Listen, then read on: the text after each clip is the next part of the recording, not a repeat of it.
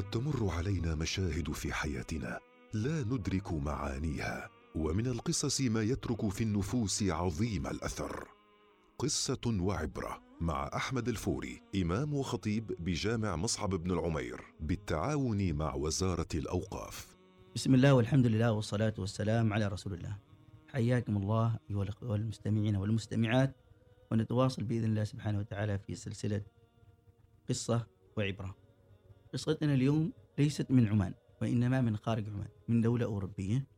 أحد الزملاء كان يدرس في بريطانيا.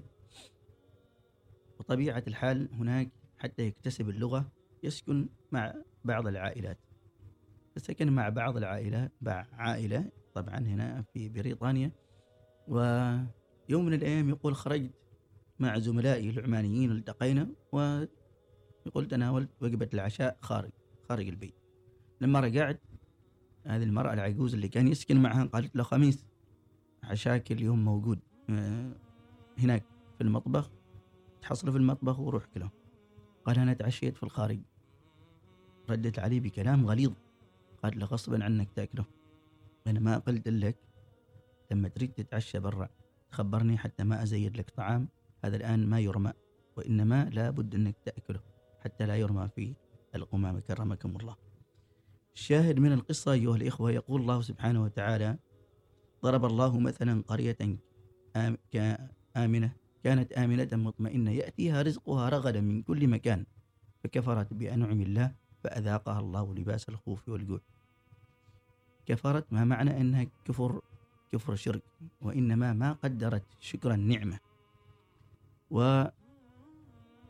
والمصيبة الأعظم أن شركة بيئة في شهر رمضان الماضي عام 1441 هجري مع الحجر يعني كان مع الظروف يعني ظروف الوباء سجلت شركة بيئة في الأيام العشر الأولى من شهر رمضان 47 طن من الطعام المهدر.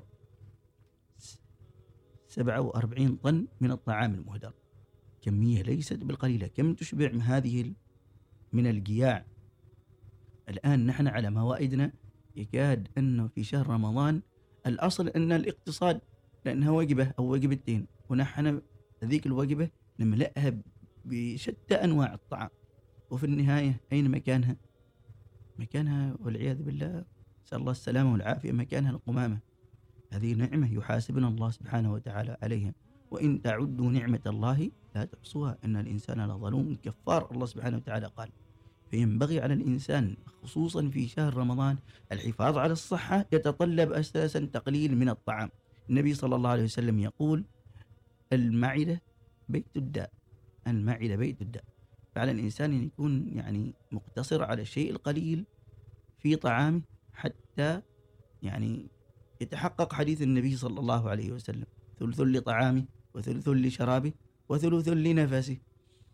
فإذا ما عمل بهذا الهدي النبوي سيجد أن هناك مشاكل غير المشاكل مشاكل صحية غير أن الإنسان يهدر شيء من ماله لأجل هذا الطعام المهدر. جمعية في دولة من دول الخليج يعني قامت بعمل إحصائيات على مستوى العاصمة معهم.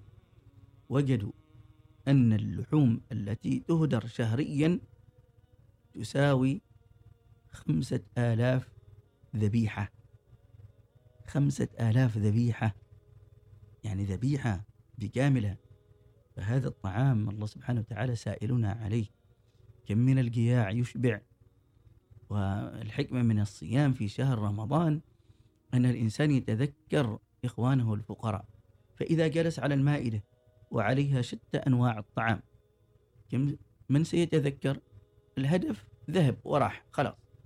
ما بيتذكر أساسا حد من من من الفقراء وإنما سيتذكر كرشه وبطنه حتى يملأه بشتى أنواع الطعام. في السنوات الماضية كنا نقضي الأيام العشر الأولى نحن في شهر رمضان نقضيها في البيت الحرام. كان إفطارنا تمر وماء وبعدها نصلي ننتظر حتى تقام صلاة التراويح ونصلي في هناك عندهم 27 ركعة ولا نحس بالتعب. 27 ركعة والإمام يقرأ صفحة كاملة في كل ركعة ولا نحس بشيء من التعب. لماذا؟ لأننا اقتصرنا على شيء قليل من الطعام. فعلى الإنسان أن يكون بهذا الهدي النبوي ولا يهدر هذه الأطعمة لأن الله سبحانه وتعالى سائلنا عن هذه النعمة. نسأل الله سبحانه وتعالى أن ينفعنا بما سمعنا واجعلنا ممن يستمعون القول فيتبعون أحسنه. وإلى لقاء قادم بإذن الله. قصة وعبرة يوميا في الأوقات التالية. الثامنة وعشر دقائق الرابعة وأربعين دقيقة السادسة وخمس دقائق. تابع آخر الأخبار المحلية وشاهد مقاطع فيديو حصرية على تطبيق الوصال. قم بتحميل التطبيق الآن من جوجل بلاي أو آب ستور